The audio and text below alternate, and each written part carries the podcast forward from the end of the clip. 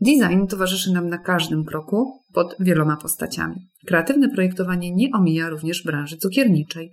Doskonałym przykładem tego jest cukiernia Lucullus, która została założona w 1946 roku przez Jana Dynowskiego i początkowo mieściła się na warszawskiej Pradze. Dzisiaj naszymi gośćmi są Albert Judycki i Jacek Malarski. To są obecni właściciele cukierni Lucullus, laureaci przyznawanej przez Międzynarodową Akademię Gastronomiczną Prix au Chef Patisserie dla najlepszych cukierników w Polsce. Rozmawiać będziemy o tym, dlaczego w ich działaniu piękno, smak i Warszawa odgrywają tak ważną rolę, w jaki sposób projektuje się zmysły i tak obłędne słodycze, skąd czerpią inspiracje do kolejnych realizacji, zarówno cukierniczych, biznesowych, jak i estetycznych. Czy tak kreatywna praca może się kiedykolwiek znudzić oraz co wspólnego ma z tym etnologia i aktorstwo? Zapraszam Państwa serdecznie na nasze spotkanie.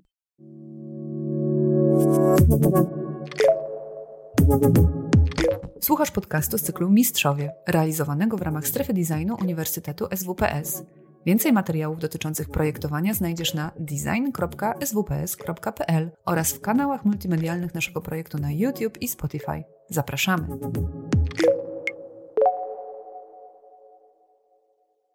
Witam Was serdecznie. Dzień dobry. Cześć, dobry wieczór. Cieszę się, że możemy się dzisiaj spotkać i porozmawiać. Jesteśmy w przededniu olbrzymiego święta cukierniczego, ale o nim będziemy mówić e, w trakcie e, naszego webinaru. Przygotowując się do tego spotkania i czytając o Lucullusie, też nadając tytuł temu webinarowi, skorzystałam z waszego claimu, e, z tym, że definiujecie się przez piękno, smak i Warszawę. Jaką rolę w waszym życiu odgrywają te trzy wartości? Zasadniczą chyba, przynajmniej w życiu zawodowym. Przy czym w innej kolejności ten claim jest. Mhm. Najpierw jest smak, później piękno i trzecia jest e, Warszawa. E, to jest taki claim, który wyniknął ile lat temu? 10? 10. 10 lat temu podczas e, rebrandingu Lucullusa. 12, 13. Nawet. 2008, 9. Tak. Kiedy opracowywaliśmy to, jak ten brand ma wyglądać na nowo. I wtedy została podjęta chyba decyzja, że najważniejszy jest smak, ale że ciastka muszą być też piękne i że ciastka mogą być i smaczne, i piękne i że ważna jest lokalność. E, a jeżeli lokalność, to w przypadku Lukulusa to jest Warszawa. To był taki czas, kiedy e, Warszawa jeszcze nie była taka modna, to znaczy używanie Warszawy jako elementu, nie wiem, identyfikacji, czy wizualnej, czy jakiejś filozofii marki. E, to, to, to nie był jeszcze ten czas, kiedy, kiedy, to było, kiedy to było modne, a nam się wydawało to już wówczas też oczywiste, że też chcemy zostać e, mm, jakoś bardzo mocno dookreśleni e, przez warszawskość. Czy nam się to wydawało oczywiste, to ja bym dyskutował. Natomiast, natomiast, natomiast e, było rzeczywiście tak, że my wtedy dostawaliśmy propozycję otwarcia punktów poza Warszawą, w Łodzi, w Krakowie, w Poznaniu, w różnych miastach. Mieliśmy prawie, że otworzyć punkt w Łodzi, w manufakturze. To z jakichś tam powodów, tak, to z jakichś tam powodów nie wyszło ostatecznie. I wtedy zapadła klapka i jakaś taka ostateczna decyzja, że nie ruszymy się nigdy poza Warszawę. I razem z tą decyzją też, że się, że się nie będziemy rozwijać poza Warszawą i nie otworzymy nigdy punktu poza Warszawą, i to jest e, nadal aktualne. Jakoś e, ta, pojawiła się to lokalność. Pojawiła się ta Warszawa. Przy czym ta decyzja y, nie wynikała z e, projektowania brandu, tylko z czysto praktycznego względu. To znaczy, my uznaliśmy, że żeby robić ciastka, to trzeba mieć nad nimi kontrolę. I znamy różne marki i w Polsce, i w Europie, które rozwinęły się za bardzo poza ten najbliższy, najbliższy rynek, to dotyczy cukierni. E, I, i ta jakość e, spadła na łeb na szyję. I tego nie chcieliśmy. To znaczy zależało nam na tym, żeby przez długie, przez długie lata było tak, że to jakość jest podstawowym wyznacznikiem e, naszej, naszej filozofii. Nadal jest. No i żeby to jakoś utrzymać, tylko Warszawa. I przy projektowaniu wtedy całego rebrandingu, który robiliśmy ze wspaniałą i niezastąpioną Wiką Wojciechowską, e, która wtedy mieliśmy, e, wtedy takim naszym wyznacznikiem było masło. Wszystko robiliśmy, nadal robimy, ale to masło było najważniejsze. Mieliśmy stronę, która się nazywała Tradycyjnie na maśle. Tak, tradycyjnie na maśle.pl, obklejone. na maśle.pl. Wszystkie lodówki były obklejone tradycyjnie na maśle, na pudełkach było Przy, na to się nie, to się nie, to wtedy w ogóle nie było oczywiste, to znaczy, bo to był jeszcze czas, kiedy bardzo dużo cukierni robiło rzeczy na, nie, tylko, tylko na margarenie. Była Magda Gessler i my. I my. E, I, I to się wydawało wówczas tak. atrakcyjne. No i było, było. No wtedy było. Tak. klientów i było takim wyznacznikiem. No i to masło, masło, masło, masło. I spotkaliśmy się z Wiką, którą ja skądś tam wynalazłem. No i Wika, która ma takie intuicje, takie wglądy, jest czarownicą. E, I Wika na pierwszym spotkaniu tak siedzi 15 minut, to spotkanie trwa, my tam opowiadamy, opowiadamy, jak siedzi, siedzi, masło, masło, masło. No masło, no to żółty, no. No i, i stąd się tak. wziął ten nasz żółty kolor, który potem żeśmy przetworzyli na ten zimny żółty, nie na taki ciepły, ciepły żółty, ale, ale y, dla nas wtedy przy projektowaniu tego nowego, y, tej nowej identyfikacji Lukulusa taką chyba największą inspiracją była taka nieistniejąca, znaczy właściwie no, zbankrutowana w połowie teraz wspaniała paryska firma Fauchon. Nie wytrzymali COVID-u. Y, to była i rozrostu też chyba za bardzo takiego tak, komercyjnego. Tak. E, I Fauchon to był taki, takie, taki konglomerat właściwie na placu Madeleine w Paryżu, bo tam była cukiernia, piekarnia, e, taka luksusowa garmażerka, można by powiedzieć, restauracja i tak Oni dalej. przygotowywali cateringi, można tak. je było wynająć do organizacji ślubu, natomiast to wszystko było na najwyższym luksusowym poziomie. I teraz został hotel, mała cukierenka chyba i, nie, i restauracja, nie, hotel i restauracja. E, I wtedy Fauchon miał taką identyfikację w takim wściekłym różu i e, ich symbolem była wieża Eiffla i takie piękne kobiece usta jeszcze. Tak, to była, to była mm. kolor fuksji, złoto, kobiece usta, właśnie w tym, tą, tą szminką w kolorze fuksji umalowane i wieża Eiffla. I to było jakoś totalnie... Tak, że to jest seksowne, że to jest paryskie, że to jest... I że to jest też bardzo takie mm, na wynos, to znaczy to jest mocne, bardzo ekspresyjne, ale jednocześnie w dobrym, w dobrym guście. Nasz, y, wtedy zaczęliśmy współpracę, czy już współ, nie, zaczęliśmy wtedy współpracę z naszym dostawcą opakowań, z którym pracujemy do dzisiaj, tak. z panem, panem Suchaneckim który za każdym razem, jak widzi jakiś nowy projekt naszych pudełek, to sobie wyrywa włosy z głowy i wtedy było tak samo. E, przyszliśmy do niego z tym żółtym projektem i on mówi, jaki żółty, Jezus Maria, do jedzenia, to w ogóle Tak, jeszcze absolutnie... na, spodzie, na spodzie naszych e. opakowań takim standardowym, kiedy, kiedy nie zmieniamy ilustracji na na sezonową. Standardowym, e, standardową ilustracją jest kolarz Janka Dziaszkowskiego, e, świętej pamięci, który ma dużo takich brudów, brudów rozpikselowany jest jak on to zobaczył, jak on powiedział, co to jest za jakość, ja tego w życiu nie wydrukuję. I to się powtarzało wielokrotnie przy kolejnych projektach, a de facto, jak się wchodzi do gabinetu pana Suchaneckiego, to są, on robi opakowania dla wszystkich cukierni w, w, na Mazowszu i dalej. I na najwyższej półce jest taka galeria e, dumy pana Suchaneckiego i żółto, żółtych opakowań z ilustracjami różnych artystów. Ale wtedy to rzeczywiście no, było takie mm, niespotykane w odważne. Polsce i odważne. My jeździliśmy już wtedy do Paryża y, poznawać tamte, firmy, tamte firmy, inspirować się. Drugą taką charakterystyczną firmą był Patrick Roger, to taki czekoladziarz paryski on ma takie... On nie zbankrutował. On nie zbankrutował, ma niesamowite punkty. On, on poza tym, że robi czekoladki, robi rzeźby w czekoladzie e, i w każdym tym punkcie te rzeźby są jakieś takie niesamowite, to są wielkie hipopotamy, jakieś pingwiny niesamowite. Są często mroczne rzeczy. Są czasem mroczne rzeczy, jakieś goryle. No, nie... Przy czym robi pyszne czekoladki, jest artystą i materiałem jego jest czekolada i wykonuje te tak. rzeźby, które zdobią każdą lokalizację. Każda lokalizacja jest inna ale łączą, te wszystkie lokalizacje łączy ostry seledynowy e, To jest wspaniałe, że można, jesteście najwspanialszymi rozmówcami, bo można zadać wam jedno pytanie i, i po godzinie skończyć i cały czas jesteście w wątku. Nie, to jest znakomita, e, znakomita opowieść. Smak piękna Warszawa. No więc e, to jest tak, to jest dosyć paradoksalne, ponieważ z jednej strony trzeba zawsze pamiętać, y, jak Clinton miał na biurku economy you fool, to my mamy na biurku, to w takim psychicznym, y, ciastka głupcze. Y, to znaczy zawsze trzeba pamiętać, że to, co się robi jest najważniejsze, tak? To znaczy ten produkt jest najważniejszy.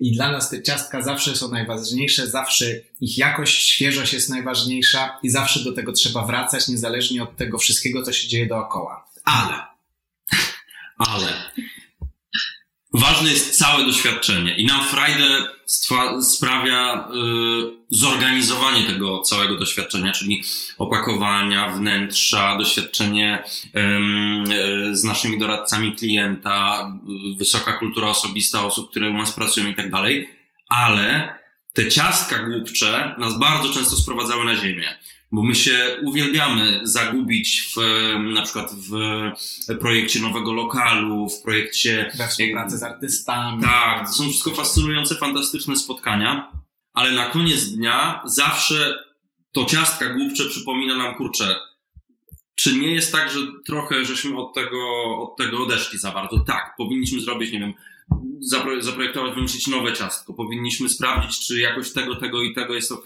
i tak dalej, i tak dalej. Mhm, mam takie pytanie, czy ktoś pomaga Wam projektować to doświadczenie? Wy, wy mówicie, Jacek powiedziałeś, zorganizować to doświadczenie, ale organizować można już coś, na co masz pomysł, nie? I wiesz, że jakby organizacja to już jest ten, ten, ten końcowy etap wdrożenia. Czy macie kogoś, kto Was prowadzi przez ten proces projektowania doświadczenia? Nas prowadzi 80 osób, które zatrudniamy od, od lat. I wśród tych osób jest wiele osób, które pracują z nami długie, długie lata. Wśród nich jest fantastyczny szef produkcji, e, któremu ufamy, dzięki któremu wymyślanie tych rzeczy na nowo jest, e, jest na pewno łatwiejsze niż gdybyśmy mieli to robić e, sami. Ale jeżeli, ale jeżeli chodzi o, tak, ale jeżeli chodzi o, ja wiem, że to dotyczyło pytania. E, jeżeli chodzi o wymyślanie, to prowadzimy się sami. Znaczy, no bo my nie mamy. No nie, no nie mamy. Nie, no. nie, nie mamy działu kreacji, nie mamy działu PR, nie mamy działu marketingu, nie mamy działu, działu HR, innowacji. Nie mamy żadnego, mhm. znaczy mam, my mamy działy ciastka, ciastka, czyli mamy wspaniałych cukierników, magazynierów, magazynierów kierowców, panie, które dbają o porządek, y, y, ekspedytorów towaru, doradców klienta i kierownictwo. Kim jesteście w tej całej organizacji? Sterem, żeglarzem, okrętem. A tak konkretnie, jakbyście się określili? Bo właściciele to jest jak gdyby, wiecie, taki, taki bardzo szeroki wachlarz. Nie się śmiać chcę, bo od razu mi się, jak zapada to pytanie, to mi się przypomina, jak kandydowałeś do, do czego ty kandydowałeś? Do Rady Miasta? Nie, do Rady Dzielnicy Do Rady Dzielnicy Śródmieście i miałeś taką ulotkę radny student, przedsiębiorca. e, prawda, kim my jesteśmy? Słuchaj, no... Y Ciastkarze. Dobrymi duchami. Nie, ciastkarze. Jesteśmy ciastkarzami. Ja chcę być ciastkarzem. E, fajnie widzieć, fajnie widzieć tą swoją rolę i ten, e, ten horyzont, do którego zmierzacie, będąc sterem i okrętem i żeglarzem, um, bo to też jest, myślę, tak, tak bardzo, jesteście jakby twórcą i tworzywem, jesteście tak blisko tej materii, że też wiele rzeczy dla was, dla was może być niemożliwych, bo byliście w tych miejscach, wiecie, jak wygląda proces produkcji, sprzedaży, kreacji i często tak jest, że sięgając po zasoby, jakie są w organizacji, można spotkać na taką trudność, że coś jest niemożliwe, a wydaje mi się, że jeżeli sam samodzielnie przejdzie się tą ścieżkę od samego początku do samego końca, dużo łatwiej jest szukać możliwych rozwiązań. Mam dla Was jeszcze jedno pytanie, zanim nie zagadacie. E, u Was na stronie napisane jest też tak, e, że dla Was istotne jest hasło mniej znaczy więcej. Nazywacie się Lucullus. Lucullus był największym łakomczuchem starożytności. I jakby ja mam z tym problem. Możecie mi powiedzieć, skąd taka mm, paralela, że tutaj oto po prostu na bogato, bogato ilustrowane opakowania, ciastka, z których po prostu brokat, wiecie, wylewa się ten taki metaforyczny, ale chodzi mi, o, chodzi mi o ten taki estetyczny wygląd, który po prostu sprawia, że te ciastka też są luk, luk, wyglądają luksusowo, e, smakują wybitnie, ale wyglądają też tak, e, no nie da się obok nich przejść obojętnie. Jednocześnie Lucullus, to logo wytłoczone na opakowaniach w złocie, na bogato, no i tutaj nagle claim mniej znaczy więcej. Wytłumaczcie się z tego. wytłumacz się. Wydaje mi się, że to mniej znaczy więcej. Yy, yy, tak, rzeczywiście yy, image Lucullusa nie, nie do końca tu się zgadza z tym słynnym, to Adolf Loss chyba powiedział, mniej znaczy więcej. Natomiast znaczy to, to dotyczy ciastek. E, to, to znaczy, ale to dotyczy, to dotyczy konkretnie ciastek. To dotyczy dwóch rzeczy. Po pierwsze to dotyczy smaku, to znaczy wierzymy w to, że nie trzeba przekombinowywać ze smakiem, tak? To znaczy, że e, szczęście daje babeczka waniliowa, gdzie jest ciasto kruche i krem waniliowy i jakby styka. Szczęście dają truskawki z bitą śmietaną i wanilią. Szczęście dają jabłka w karmelu. Wystarczy. Tak. Nie potrzebujesz więcej, żeby ci było dobrze. Nie potrzebujesz ciastka, który, z tak, dziesięcioma trzema warstwami, z e, naparem z czarnuszki, żelką z e, jagód goi e, i do tego Coś. e, polewą nie wiem z czego. Tak, więc to po Chodzi o prostotę smaku. Tak, więc Jasne. oczywiście pojawiają pierwsze. się u nas egzotyczne składniki, tam juzu, y, ziarnotonka, coś tam, ale to też y, y, uzupełnia raczej tę prostotę, y, może z jakimś tam twistem tak zwanym, Ale nie, ale nie jest celem samym w sobie. To znaczy, Tak, jeżeli tak. dodajemy juzu, to dajemy je tam, gdzie ono wiemy, że stworzy najlepsze połączenie, jeszcze czyli do maczy tam, tak. i do, i do cytry. Tak. Jeżeli dodajemy e, Ziarnotonka, ziarnotonka, to ono to idzie do ciemnej czekolady, no bo ono wydobywa z tej ciemnej czekolady co, to, co najlepsze, mniej znaczy więcej. A druga rzecz, jakiej dotyczy mniej znaczy więcej, to jest dekoracja ciastek. E, Bo też znaczy, torty, szczególnie za PRL-u, e, ci co pamiętają, to, to pamiętają, były dekorowane różnymi różyczkami, kandyzowaną Angeliką, jakimiś kandyzowanymi wisienkami ze słoika we fluorescencyjnych kolorach i tak dalej, i tak dalej, więc te dekoracje były niepotrzebne, bez sensu, nie a propos w ogóle smaku, nie związane z tym, co się je, no i to było no, bez, bez w ogóle potrzeby i sensu. Więc mniej znaczy więcej dotyczy też dekoracji. Ta dekoracja powinna zawsze wynikać ze smaku i być, i być z jednej strony atrakcyjna, ładna i y, eye-catching, prawda? No bo jemy najpierw oczami, ale, y, Ale też nie powinna być celem samym w sobie. ale nie powinna być celem Jasne. samym w sobie. To o to chodzi w mniej znaczy więcej by Lucullus. Ta forma estetyczna też powinna być bardzo instagramowa w dzisiejszych czasach, nie? Ludzie jedzą bardzo Nigdy się tym nie kierowaliśmy, szczerze mówiąc. Wierzę, ale jest to na pewno efekt uboczny.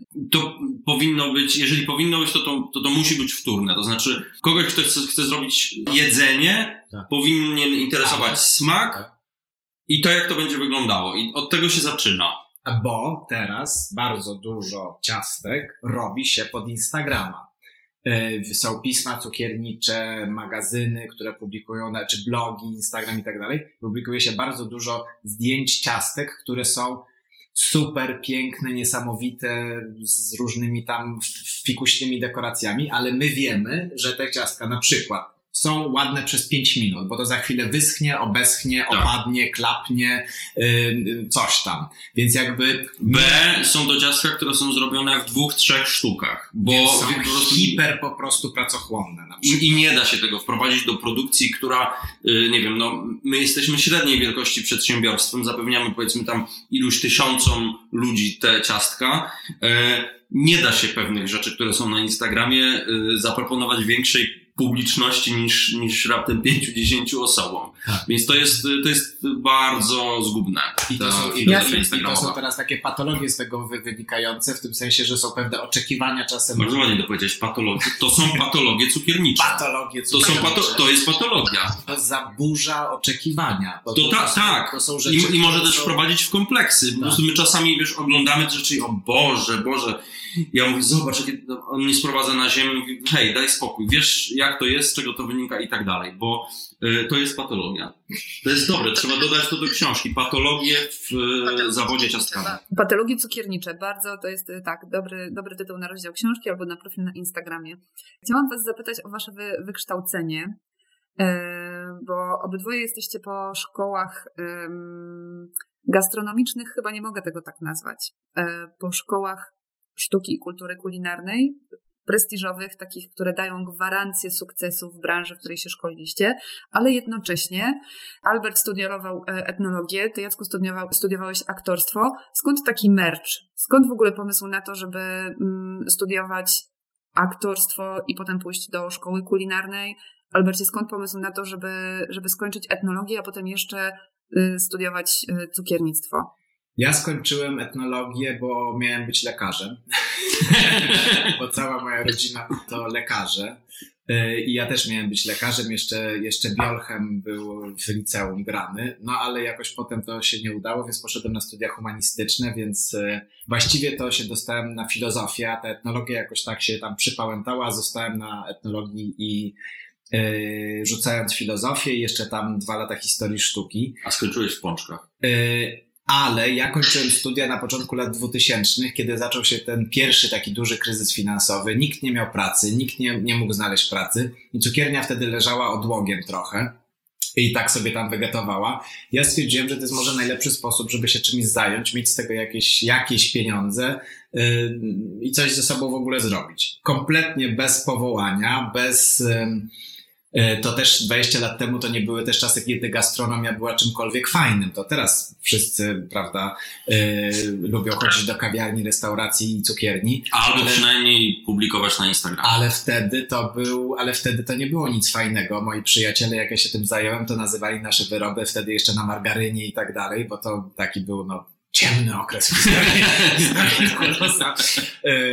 to e, nazywali nasze wyroby gumi wyrob, nasze ciastka gumi wyrobami. E, czy gumi ciastka? Nie. Gumi, gumi wyroby. Gumi wyroby. I potem ja to jakoś tam prowadziłem bez, bez przekonania, właściwie trochę się tego wstydząc. Jak myśmy się e, poznali, ile 16-17 no. lat temu, to jak się go y, zapytałem, czym się zajmuje, to powiedział, cukier.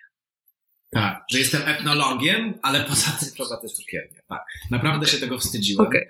Jak poznałem Jacka, Jacek w ogóle mówi do mnie, słuchaj, w ogóle ty się puknij w głowę, przecież to jest wspaniałe, to są ciastka, można sprawiać ludziom przyjemność, to jest w ogóle super zajęcie. I ja dopiero wtedy jakoś inaczej na to spojrzałem. Potem się urodził ten rebranding e, i, i taka zmiana estetyczna i te ciastka już na maśle, to, to jakoś tam zaczęło wyglądać. Jacek y, z kolei. No ja z kolei. Y, do tego punktu doprowadź teraz A, swoje. Tak, teraz dobrze, moją odpowiedź, dobrze. E, dobrze, ja jest, to, to nie jest tak, że jak to się stało, że, y, że aktorstwo połączyłeś z ciastkami. To w ogóle się nie stało. Znaczy to się stało zupełnym przypadkiem bo e, ja z wykształcenia pierwszego jestem aktorem, a z drugiego jestem ciastkarzem. E, I to moje pierwsze wykształcenie e, po trzech latach pracy w teatrze no, kompletnie rozminęła mi się, rozminęły mi się oczekiwania z rzeczywistością i byłem nieszczęśliwy, pogrążony w depresji i, i zupełnie nie chciałem tego robić. Jak, Słodycze jak, jak pomagają ten... podobno. Słodycze pomagają. No okazało się, że, że tak. I cóż. No, najpierw rzuciłeś pracę w teatrze. Najpierw rzuciłem pracę w teatrze, później. E, nie, no najpierw my się poznaliśmy, e, zakochaliśmy. Ja rzuciłem pracę w teatrze, e, przeprowadziłem się do Warszawy, zamieszkaliśmy razem. Przez pięć lat pracowałem w TVN24, byłem dziennikarzem. Później rzuciłem pracę w TVN24, otworzyłem z przyjaciółmi teatr w Łodzi niezależny a później doszedłem do mm, Lukulusa, dołączyłem do niego przypadkiem, to znaczy w momencie, był, kiedy był kryzys. Znaczy kryzys, no i ja po prostu y, wtedy był ten rebranding, otworzyliśmy trzy punkty w ciągu jednego roku, no i ja przestałem już ogarniać rzeczywistość. Jacek przyszedł mi y, I zacząłem po prostu pomagać, y, pomóc. czysto, wiesz, domowo tak. i... I tak już, i to był już okres, kiedy właśnie był przeprowadzony, przeprowadzony właściwie ten rebranding, nowy design punktów i tak dalej. No i potem już prowadziliśmy tego Lukulusa wspólnie. No ale było tak, że my jeździliśmy do Francji, kupowaliśmy książki francuskie, gdzie były te wszystkie piękne Z nadzieją, ciastka, że przywieziemy te książki, które znaliśmy z Paryża. I przetłumaczymy przepisy, jedliśmy bo to było niesamowite. I jedliśmy te ciastka i, nasi, I nie było w Polsce ani jednej osoby, która by te ciastka umiała zrobić. Ani jednej. To, było, to był koszmar, bo myśmy jeździli, zafascynowali tymi witrynami, które tam są i tym, jak to smakuje i tym, że to jest w dużych ilościach, że to wszystko jest możliwe. Kupowaliśmy te książki. Albert tłumaczył przepisy. Razem z szefem produkcji próbowali to ogarnąć. Szef produkcji, nic z tego nie wychodziło. Bo, bo cukiernicy nasi, wspaniali skądinąd, no ale nauczeni w innej rzeczywistości, mówili, że to jest albo Photoshop, albo to jedna sztuka była wykonana, albo mają jakieś specjalne maszyny, maszyny albo to jest chemia. No i jakby to, że to jest naturalne, z naturalnych składników, w dużych ilościach, Masło. ręcznie robione Masło. i równe, i, tak, i równe, to się nie łączyło. Więc myśmy e, zorganizowali wyjazd dla kilkorga, e, dla kilku naszych cukierni. Nie, kilku kilkanaście osób pojechał, do Paryża, między innymi właśnie nasz szef produkcji Rafał Zarzycki i, i tam oni dopiero uwierzyli, że to, że to jest możliwe. Ale, no ale, nikt tego nie tak, ale nikt nie może tego zrobić. No i koniec końców. Ja zacząłem tam międlić temat, że, że ktoś się musi tego nauczyć. No i doszedłem do wniosku, że no, że chyba ja. I wynalazłem szkołę, to Ecole Ferrandi, ale to trwało 8 miesięcy plus staż coś tam. No i nie, nie, chcieliśmy się na tak długo rozstawać. No i Jacek stwierdził, że pojedzie ze mną, będzie chodzić na kurs ikebany i na kurs francuskiego i coś tam ze sobą zrobi w tym Paryżu. No ale ostatecznie uznaliśmy, że skoro już tam mamy jechać, no to zaciągniemy całą tę wiedzę, którą oni mają. Albert zassie ją z jednej szkoły, ja z drugiej. I wtedy, i wtedy wybraliśmy zrobimy mix. To, to Cordon Bleu. Zamieniliśmy się ostatecznie bo to jest tak z tym, z tą edukacją i z tą wiedzą, że cała wiedza polska, przedwojenna i powojenna, bo mój dziadek był kształcony przed wojną, ale po wojnie założył własną cukiernię i to wielu firm dotyczyło, y, nie tylko oczywiście gastronomicznych ta wiedza przepadła w latach, raz w latach 50., 70. właściwie najbardziej, bo to był taki najtrudniejszy okres za komuny, a potem, czego nie, nie dorżnęła komuna, to dobiły lata 90. 90. E, I ten proces przekazywania wiedzy, przekazywania know-how, przekazywania tej pamięci organizacji został dwukrotnie przynajmniej przerwany. I y, śmiem twierdzić, że w żad, no niemal w żadnej cukierni to nie, nie przetrwało, albo przynajmniej no, nie miało warunków, żeby rozkwitać, prawda? Y, a we Francji z kolei ten proces tego przekazywania wiedzy jest y, nieprzerwany. nieprzerwany. I jeszcze w dodatku ta wiedza z każdego pokolenia na każde pokolenie jest udoskonalana. Więc my pojechaliśmy tam i wiedzieliśmy bardzo dokładnie po co my jedziemy. To było więc, super, znaczy to było... Jak odkurzacze po prostu. Tak, tak, no bo to, to, to, było wspania... to był wspaniały rok, no bo wiadomo, to był wspaniały rok, bo po prostu też wyjechaliśmy w wieku lat 30 i 30 kilku e, na studia do Paryża. Super. Czego chcieć więcej. Dokładnie. E, ale najważniejsze było to, że myśmy dokładnie wiedzieli, czego chcemy. I tak Więc... zjedliśmy te wszystkie ciastka. Tak, zjedliśmy. No właśnie miałam o to pytać. Ja jeszcze mam kolejne pytanie. Jak wy to robicie, że wyglądacie tak, jak wyglądacie po prostu piekąc ciasta na maśle z cukrem? Nie, znaczy y, to są proste rzeczy. Obaj mamy dobrą przemianę materii. On ma lewicę, ja uprawiam sporty. Może na kogo ja wychodzę. No w każdym razie pojechaliśmy do Paryża, ukończyliśmy te dwie szkoły. Ja w trakcie mojej szkoły mm, chodziłem do pracy, bo, bo grafik mi na to pozwalał. Jakimś cudem mi się tam pracę udało znaleźć w cukierni. E, Jacek e, miał super intensywną szkołę, gdzie miał najwspanialszego profesora na świecie, tak. Didier, który był wcześniej szefem cukierni w paryskim Ricu, z którym się tak zaprzyjaźnili, że mhm. Didier przyjechał tutaj na dwa tygodnie za darmo i razem z nami. To był super ważny moment, tak, nie? Tak, to był super ważny moment w historii Polusa. Popchnął te zmiany. Tak, to było tak, że y, pomiędzy końcem szkoły a stażem ja miałem y, jakiś czas, kiedy mogłem przyjechać do Polski y, i zaprosiłem na ten czas Didier. I Didier zgodził się, przyjechał po prostu, bo tak się zakolegowaliśmy. Rozrysował nam Rozrysował całą pracownię. Y, co mamy zmienić? Jakie mamy kupić maszyny, y, co, w co powinniśmy inwestować, w co nie. On był szefem cukierników w Ritzu i był szefem cukierników w takiej dużej mm, francuskiej firmie Dalwayo, więc zarządzał dużymi zespołami, więc widział też, to było też niesamowite, on przyjechał pierwszego i drugiego dnia, on tylko był w, w cukierni, słowem się nie odzywał, tylko chodził, stał, obserwował, i, a później były te analizy. Niesamowite to I było. zrobił z nami.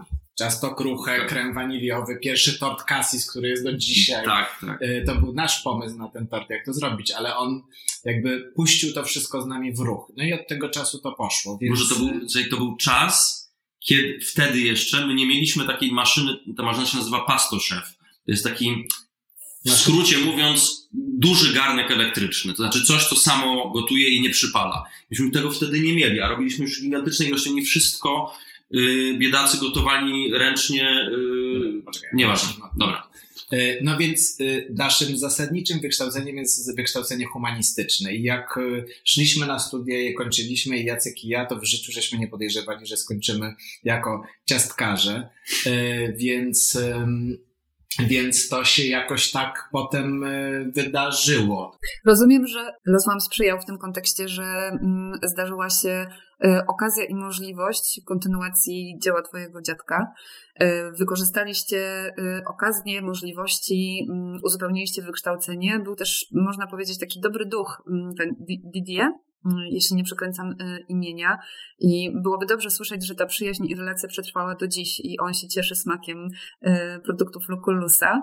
A ja mam jeszcze takie pytanie, czy wy odbieracie siebie jako projektantów emocji, bo dostarczacie ludziom olbrzymiej ilości wrażeń. Od samego spotkania na przykład tutaj naszego jest tutaj mnóstwo emocji i mnóstwo radości w was. E, jakiegoś takiego entuzjazmu, który też jest, e, mm, myślę, bardzo cenny, jeśli coś się robi dwadzieścia parę lat, że wciąż o swoim fachu mówi się z takim zaangażowaniem, z taką pasją, z też taką radością i lekkością. Ale czy wy myślicie o sobie, że jesteście projektantami emocji i że wy sprzedajecie nie ciastka, a emocje ludziom? Ja bym tak siebie sam nie określił, ale jak usłyszałem to, to to w gruncie rzeczy pewnie tak, to znaczy, bo to chodzi o emocje, to znaczy to doświadczenie z ciastkiem. Albert kiedyś taką fajną rzecz powiedział, że to doświadczenie z ciastkiem jest bardzo indywidualne, w przeciwieństwie do doświadczenia z daniem słonym, e, bo to jest biesiadowanie, a twoje doświadczenie z ciastkiem to jesteś ty i ciastko. I to jest bardzo intymne, bardzo takie indywidualne doświadczenie, pełne emocji. Więc czy my jesteśmy projektantami emocji? W jakimś sensie pewnie tak, no bo do, dostarczamy, y, mam nadzieję, dostarczamy ludziom e, pysz, pysznych rzeczy, które wywołują w nich e, e, radość, nie wiem, wzbudzamy, wzbudzamy pokusę, jesteśmy pokusą pewnie dla wielu. Niektórzy muszą sobie nas odmawiać. W, w epidemii się okazało, że jesteśmy też, dajemy ludziom poczucie bezpieczeństwa. Tak sobie myślę, że, że epidemia była dla was jakąś też turbotrampoliną, że jakby ten moment, w którym po prostu ludzie muszą sobie sprawiać odrobiny, odrobinę po prostu radości w tych ciemnych czasach. Epidemia to był niezwykły czas pod każdym względem. To znaczy, to był czas z jednej strony totalnie dramatyczny, y, też dla nas, mówię już, już z czysto y, biznesowego punktu widzenia, z punktu widzenia prowadzenia y, całego tego przedsięwzięcia, bo byliśmy w totalnej niewiedzy, ale to była, jeżeli to była trampolina, dla nas to była trampolina do działania. Znaczy my Y, nam się zapaliły wszystkie silniki wtedy. My zadziałaliśmy w sposób nieprawdopodobny. To było, bo byliśmy jakoś, wszystko było w porządku i tak dalej i nagle pojawił się COVID i y, perspektywa zamknięcia, perspektywa niewiadoma i tak dalej, i tak dalej. My wzięliśmy się do roboty na, na cztery fajerki y, i... No my, my wtedy zrobiliśmy dwie rzeczy przede wszystkim. Jedna to Naprawdę tak to wyglądało. Położyliśmy na blacie wszystkie nasze ciastka po jednej sztuce. Spróbowaliśmy, bo nagle było bardzo dużo czasu na wszystko, tak? Yy, nasze punkty w centrach handlowych były zamknięte, mieliśmy dużo mniejszą produkcję i tak dalej. I nagle było tego czasu bardzo dużo i uznaliśmy, że to jest dobry moment, żeby dokręcić wszystkie śruby, na które na co dzień nie było czasu. Więc... Bo y, cukiernicy kończyli pracę zamiast o 13, to o 9 na przykład, więc był czas na to, żeby wszystkie rzeczy dopracować. Więc położyliśmy sobie po jednej sztuce każdego ciastka, każdą, każdy spróbowaliśmy i zastanowiliśmy się, jak to poprawić, co można zrobić, żeby było jeszcze świeższe, co, co, co, y, co poprawić w smaku, co w wyglądzie, y, co w procesie produkcji. I wykonaliśmy ileś tego typu ruchów. I wszystko to żeśmy Tak, zupełnie nieoszczędnościowych, wręcz przeciwnie. To znaczy, przeciwnie. niektóre ciastka wywróciliśmy zupełnie do góry nogami. I to tylko chodziło o to, żeby było nie taniej, tylko lepiej. lepiej. Y, bo był czas. A druga rzecz, jaką chyba ważna, i to a propos twojego pytania, żeby jakoś... Nareszcie. Żeby jakoś, żeby, zebrać, no. Y, którą podjęliśmy, to uznaliśmy, mm, że nie wejdziemy w żadną współpracę z firmą dostawczą, czyli y, z tam z Uber tak. czy tam Glovo, czy te Glovo. Mimo, że się zastanawialiśmy nad tym, to nie tak, że od razu to tak. Po pierwsze, po pierwsze tam względy finansowe, bo oni po prostu rżną na tej prowizji w sposób jakiś makabryczny, ale ja kiedyś przeczytałem taki artykuł na temat jakiegoś dyrektora w Starbucksie, y, który to wszystko roz, całego Starbucksa rozkręcił, a potem tam odszedł, to się zaczęło wszystko sypać, więc wezwali go z powrotem. I on na przykład podjął decyzję o tym, że wycofał z, e, ze sprzedaży online wszystkie jakieś takie kubki, gadżety, jakieś takie różne tam duperele. Bo chciał, żeby ludzie przyszli do tego Starbucksa i dostali ten experience, jakikolwiek by tam. Te emocje. Te emocje mhm. na miejscu. I mnie to jakoś, i mi się to przypomniało właśnie w tej epidemii. I podjęliśmy taką decyzję, no wbrew jakby całemu rynkowi, że właśnie my, chce, my chcemy zmusić klientów, żeby przyszli, co się okazało no, z perspektywy słuszne, bo wyjście do Lukullusa po ciastko i kawę na wynos było główną atrakcją dnia na przykład w tym takim szczególnie pierwszym lockdownie. I, i utrzymaliśmy to, że, że nie chcemy być jakby pozycją na monitorze, którą się skroluje tam w dół albo w górę, tylko właśnie y, y, zapraszamy tych klientów i trochę ich przymuszamy właściwie do tego, żeby przyszli, ale żeby za tym ciastkiem stała to, co mówiłem na początku, że to są te dwie różne rzeczy, że z jednej strony najważniejsze jest ciastko, ale jeżeli za tym ciastkiem stoi ta cała reszta, to to ciastko jest dużo więcej niż tylko ciastkiem. Ładnie powiedziałeś. Ma to sens. Ma to, Ma to sens. sens. Tak, słuchajcie, y, gdzie wy szukacie inspiracji do swoich działań? Tych zarówno cukierniczych, y, rzemieślniczych, biznesowych, y, związanych z rozbudową marki, z projektowaniem doświadczenia. Skąd czerpiecie inspirację? No, wszędzie. Nie, Wszędzie. Bo to jest moja ulubiona odpowiedź po prostu. No nie, w ogromnej mierze czerpiemy, e, czerpiemy to z konfliktu między nami. To jest znakomite, co mówicie. To jest znakomite, że konflikt może budować. Napięcie między nami, znaczy napięcie, e, różnica temperamentów, różnica. e, Bo, żeby, żeby jeszcze to wyjaśnić, to my się y, 5 czy 6 lat temu rozstaliśmy. jako para. nie jesteśmy parą. Nie wygląda. Mhm. Y, y, ale, y, ale y, przyjaźnimy się, wspieramy, kochamy wciąż, y, ale po prostu uwielbiamy ze sobą pracować, bo my się y, jesteśmy bardzo różni. Różnimy się bardzo. A, ale to się jakoś bardzo dobrze uzupełnia i bardzo to lubimy i sobie to cenimy. I z tego wynika bardzo dużo e, inspiracji. Znaczy, to, to, to jest tak, że ile razy my zasiądziemy razem nad jakimś problemem czy pomysłem do, i znajdziemy czas na to, żeby przeprowadzić ze sobą, e, z samymi sobą burzę mózgów, e, to tyle razy coś bardzo dobrego z tego wynika, bo mamy e, różne oczekiwania, e, różne rzeczy są dla nas e, e, ważne lub mniej ważne. Raz jeden sprowadza jednego na ziemię, raz drugi sprowadza drugiego na ziemię i to jest ważna rzecz, jeżeli chodzi o inspirację. Drugim źródłem inspiracji jest oczywiście wspaniała konkurencja, która, którą no przede wszystkim Paryż oczywiście i wiele różnych genialnych cukierników, wspaniałych rzemieślników, wspaniałych firm, pięknych projektów i, i to przez, przez długie, długie lata było dla nas punktem odniesienia, inspiracji. My staraliśmy się co roku jeździć do Paryża, żeby y, tam się natchnąć tym wszystkim, co się dzieje. Tam to galopuje cały czas, otwierają się nowe firmy, zamykają, y, zmieniają, nowi szefowie się pojawiają, nowe gwiazdy i tak dalej. To jest tam bardzo żywe.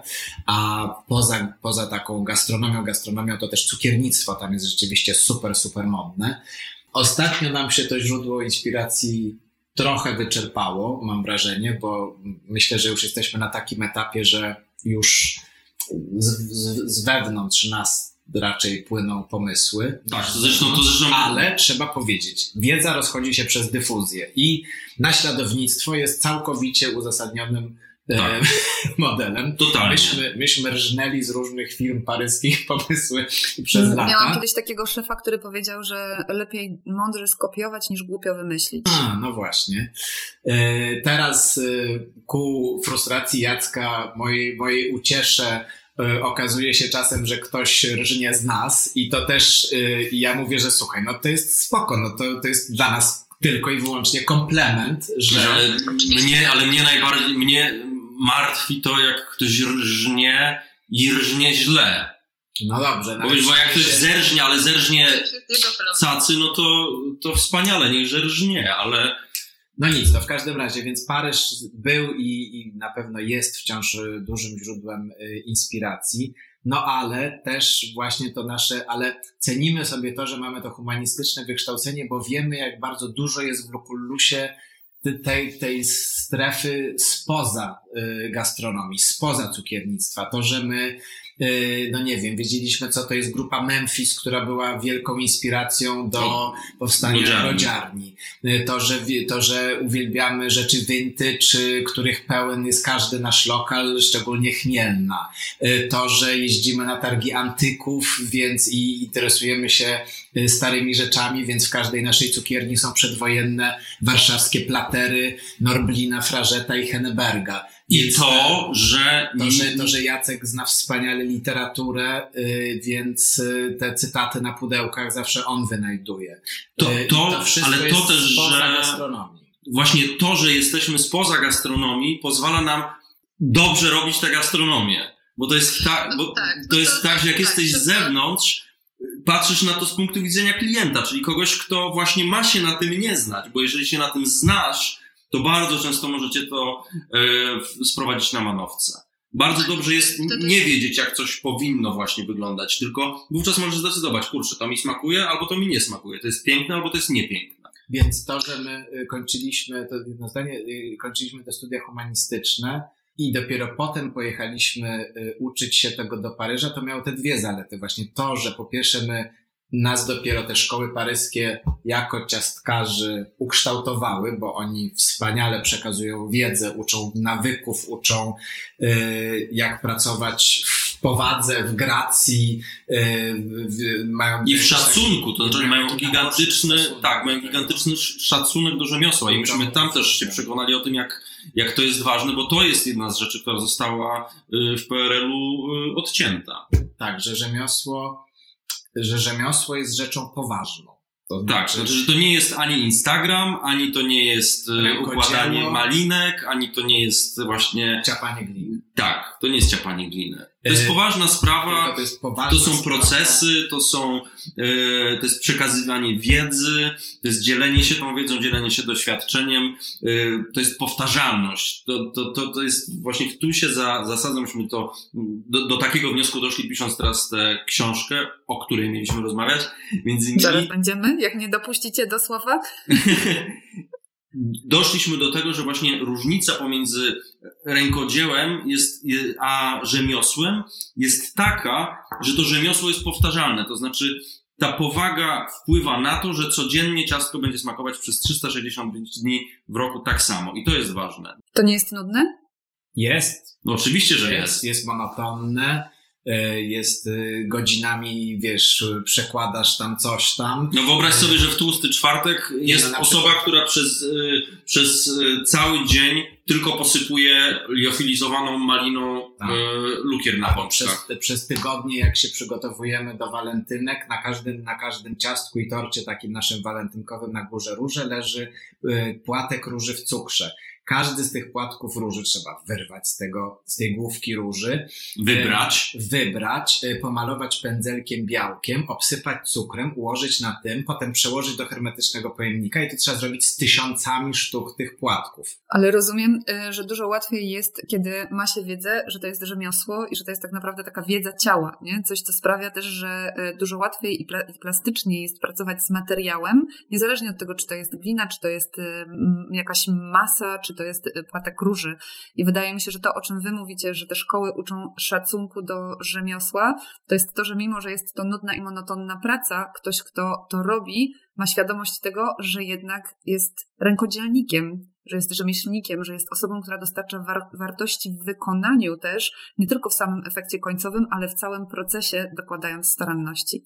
Korzystając z okazji, że jestem przy głosie, to chciałabym powiedzieć, że uderzyła mnie absolutnie ta wypowiedź, w której powiedzieliście, że u was z konfliktu rodzi się jakość i że konflikt was buduje i że to jest coś, e, na czym mm, potraficie wynieść nową wartość, bo często jest tak, e, że w różnych procesach, w firmach czy w, e, w instytucjach konflikt absolutnie zamyka obie strony na jakąkolwiek formę porozumienia, a w momencie, kiedy widzisz, że druga osoba, mając odmienne zdanie, poglądy, czy też obiera w ogóle inną strategię, zauważasz wartość w tym, że się różnicie i że tak naprawdę ona wie coś, czego nie wie, albo broni czegoś, co dla ciebie jest oczywiste.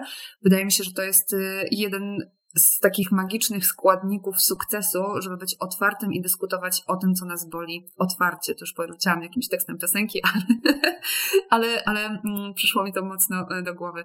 E, wspomniałeś, Jacku, o waszej książce. E, wiem, że jesteście w procesie przygotowywania mm, tej publikacji Wiem, że jest tam bardzo dużo przepisów starannie przygotowanych również um, estetycznie i wizualnie, ale chciałabym zapytać, czy, czy w tej książce odpowiadacie też na pytanie, co będziemy jeść w przyszłości?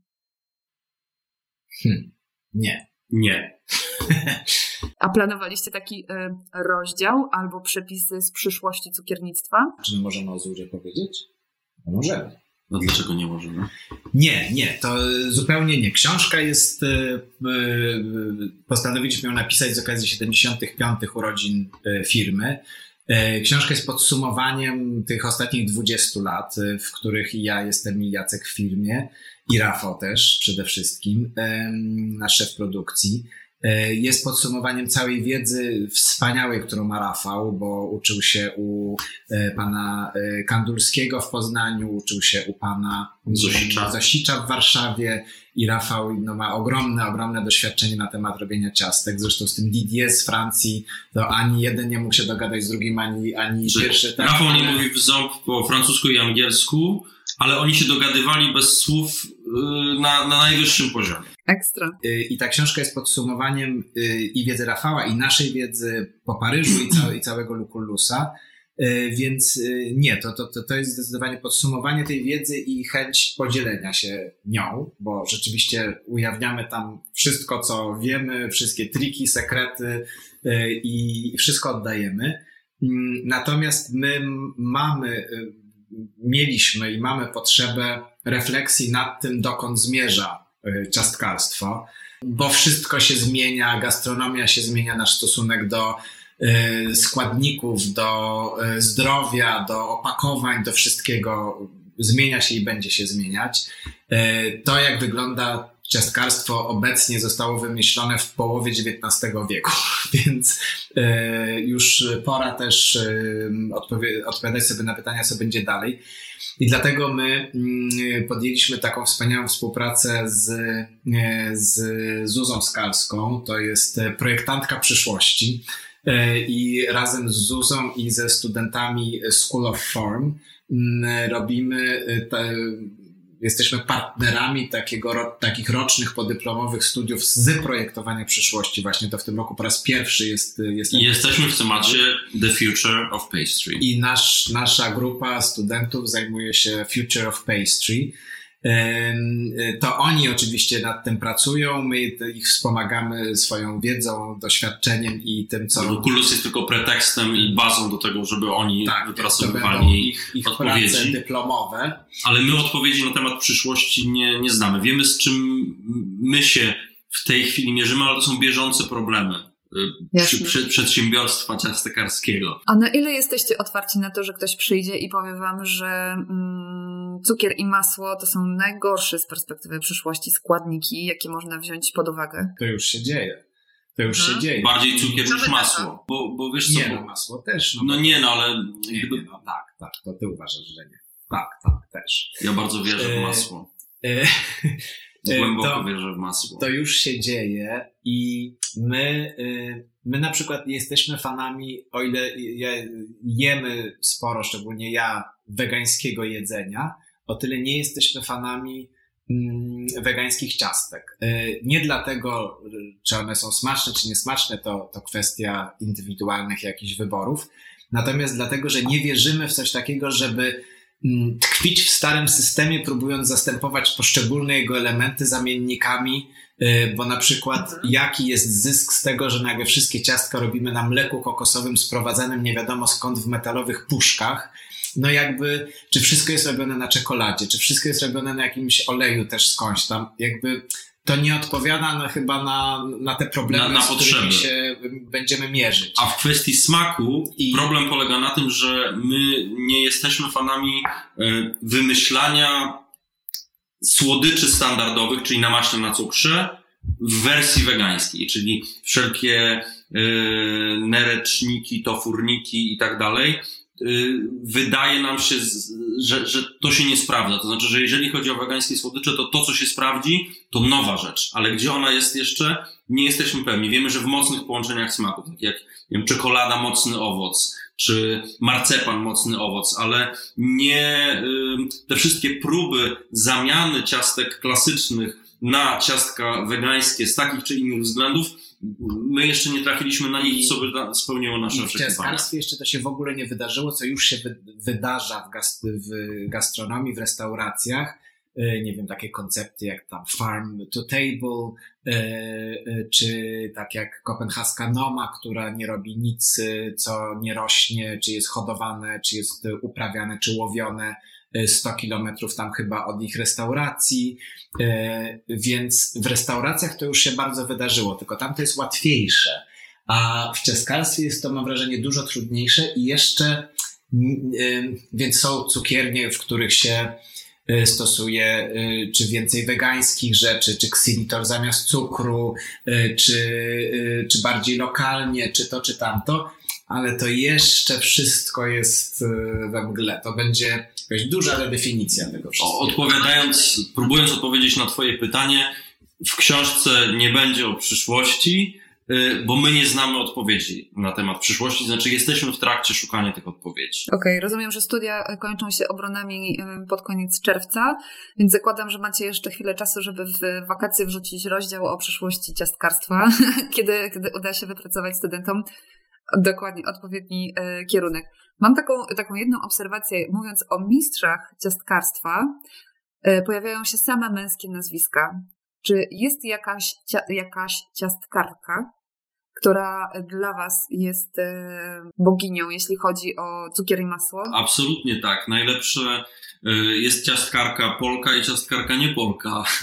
ciastkarka, e, zacznę od nie Polki, mm, Claire Damon, mistrzyni ciastkarka z Paryża, była naszym guru przez lata i, i to Albert u niej w cukierni odbywał staż a mnie zdarzało się e, za 15 dziewiąta, czyli 15 minut do zamknięcia cukierni pędzić, żeby zjeść e, ptysia karmelowego. E, to, to były najsmaczniejsze ciastka świata. Najpiękniejsze. I najpiękniejsze, gdzie właśnie dekoracja była mniej znaczy więcej, czyli wynikająca totalnie ze smaku, gdzie mm, składniki były najwyższej jakości. Ona pracuje, ona nie lubi czekolady, ma tam zawsze jedno takie samo ciastko czekoladowe, ale na sezonowych owocach. I to są po prostu zawsze. Cytryny tylko wtedy, kiedy są najlepsze cytryny. E, pigwa tylko wtedy, kiedy jest okres e, zbiorów pigwy tak, i tak dalej. Jakieś cytryny, tylko ona tam miesiąc wybiera te cytryny, jakie mają być tam z Sycylii czy skądś tam. Więc tak, ona jest absolutną mistrzynią. A ciastkarka Polka, y, Lucyna Świerczakiewiczowa. To jest to, to była potęga, to znaczy... Świętej pamięci. Świętej pamięci, no tak. Ale jest też ciastkarka Polka, którą bardzo lubimy i cenimy. Magda Gessler. Magda Gessler. To, to, e... Nie, to są totalne... Tak, zapomniałem o Magdzie Gessler.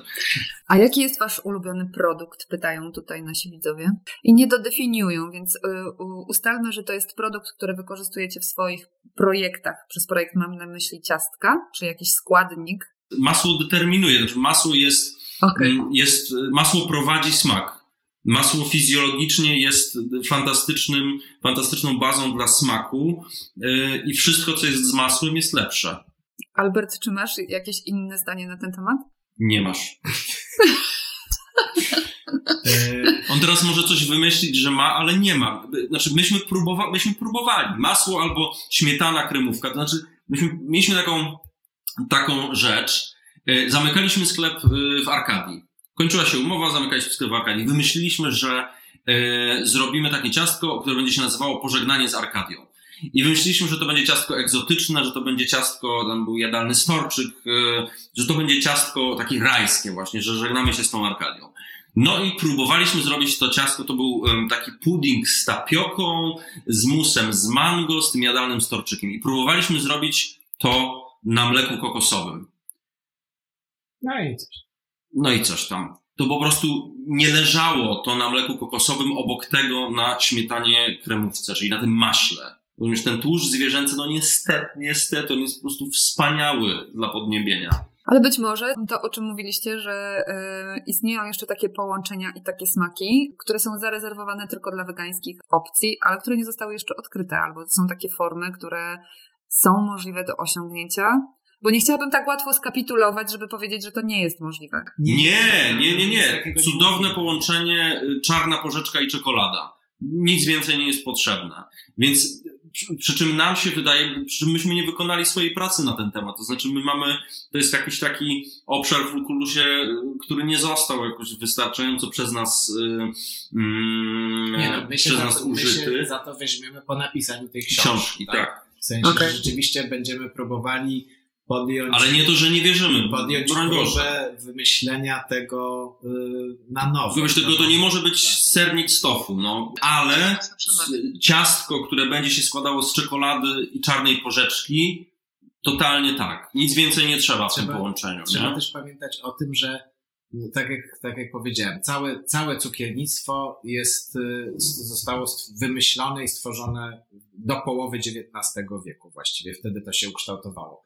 E, Po blokadzie Napoleona zaczęto obsadzać burakami cukrowymi Europę, cena cukru spadła, to wybuchło i wtedy powstają wszystkie, wszystkie y, cukiernie właśnie i w ogóle ten typ, y, ten typ sprzedaży. Y, I tak samo też typy ciastek są tak naprawdę niedawnymi rzeczami. No to mają kilkadziesiąt, czy może sto lat, czy coś takiego. Ale to wszystko, to wszystko się zmienia i być może to wszystko się jeszcze dalej zmieni, więc to będzie wymagało naprawdę otwarcia sobie głowy i próby wymyślenia może nowych typów ciastek, może nowych zupełnie jakichś, no nie wiemy, no. Fajne jest to, że można być częścią tego i można być pionierem w takim zakresie. Nie można być tym takim e, wynalazcą albo odkrywcą tak No naprawdę. pewnie, to jest fascynujące. I mam do Was ostatnie pytanie. Pączki się piecze czy smaży? Smaży. Smaży. Tylko. Smaży. Co to za pytanie? A ile pączków smażycie na czwartek? około 35 tysięcy, a znalazłem ostatnio niepotwierdzoną jakąś informację, nie, znaczy nie, nie, nie, nie próbowałem jeszcze tej informacji potwierdzać, może to prawda, może nieprawda, że w Polsce na tłusty czwartek zjada się 100 milionów pączków. Ale to wiecie, to no to wychodzi w sumie po trzy pączki na głowę. To nie jest tak dużo. Wcale. A jakie są Wasze prywatne rekordy pączkowe? Nie mamy. Ja od lat mam zasadę w tłusty czwartek, że jem w pewnym momencie jednego pączka. No nie, ja nie, ja, ja pewnie jem z pięć, ale y, już ja jem ten najlepsze, czyli te, które są odrzutami. To są te takie nie, wszystkie nieudane pączki, które spadają do skrzynki, te bidule takie, z których wypływa nadzienie. Z, z salonu odrzuconych. Tak, dokładnie. Pączki z salonu odrzuconych. Wspaniale. E, Zanim weszliśmy na antenę, rozmawialiśmy o tym, że tłusty czwartek to jest właśnie jakaś, jakieś mm, olbrzymie święto w Polsce, które generuje te 100 milionów e, sprzedanych pączków. Czy u Was pączek, tak, mm, nie wiem, czy można w ogóle zadać takie pytanie, czy to jest taka prywatno-cukiernicza relacja z tym ciastkiem, że ono z Wami gra, czy, czy jakby jest tradycyjne, w związku z czym się pojawia, no bo jakby jest prosta okazja i jest na to koniunktura. Ale czy wy tak osobiście macie jakąś taką relację z pączkiem? A jeśli nie z pączkiem, to z jakim ciastkiem, o którym moglibyście powiedzieć tak, to, to jestem ja, Albert, to jest to ciastko. To jestem ja, Jacek, to jest to ciastko. Ja mam totalnie osobistą relację z pączkiem, a już moja relacja z pączkiem w tłusty czwartek jest, jest wybitnie osobista. Ja uwielbiam pączki.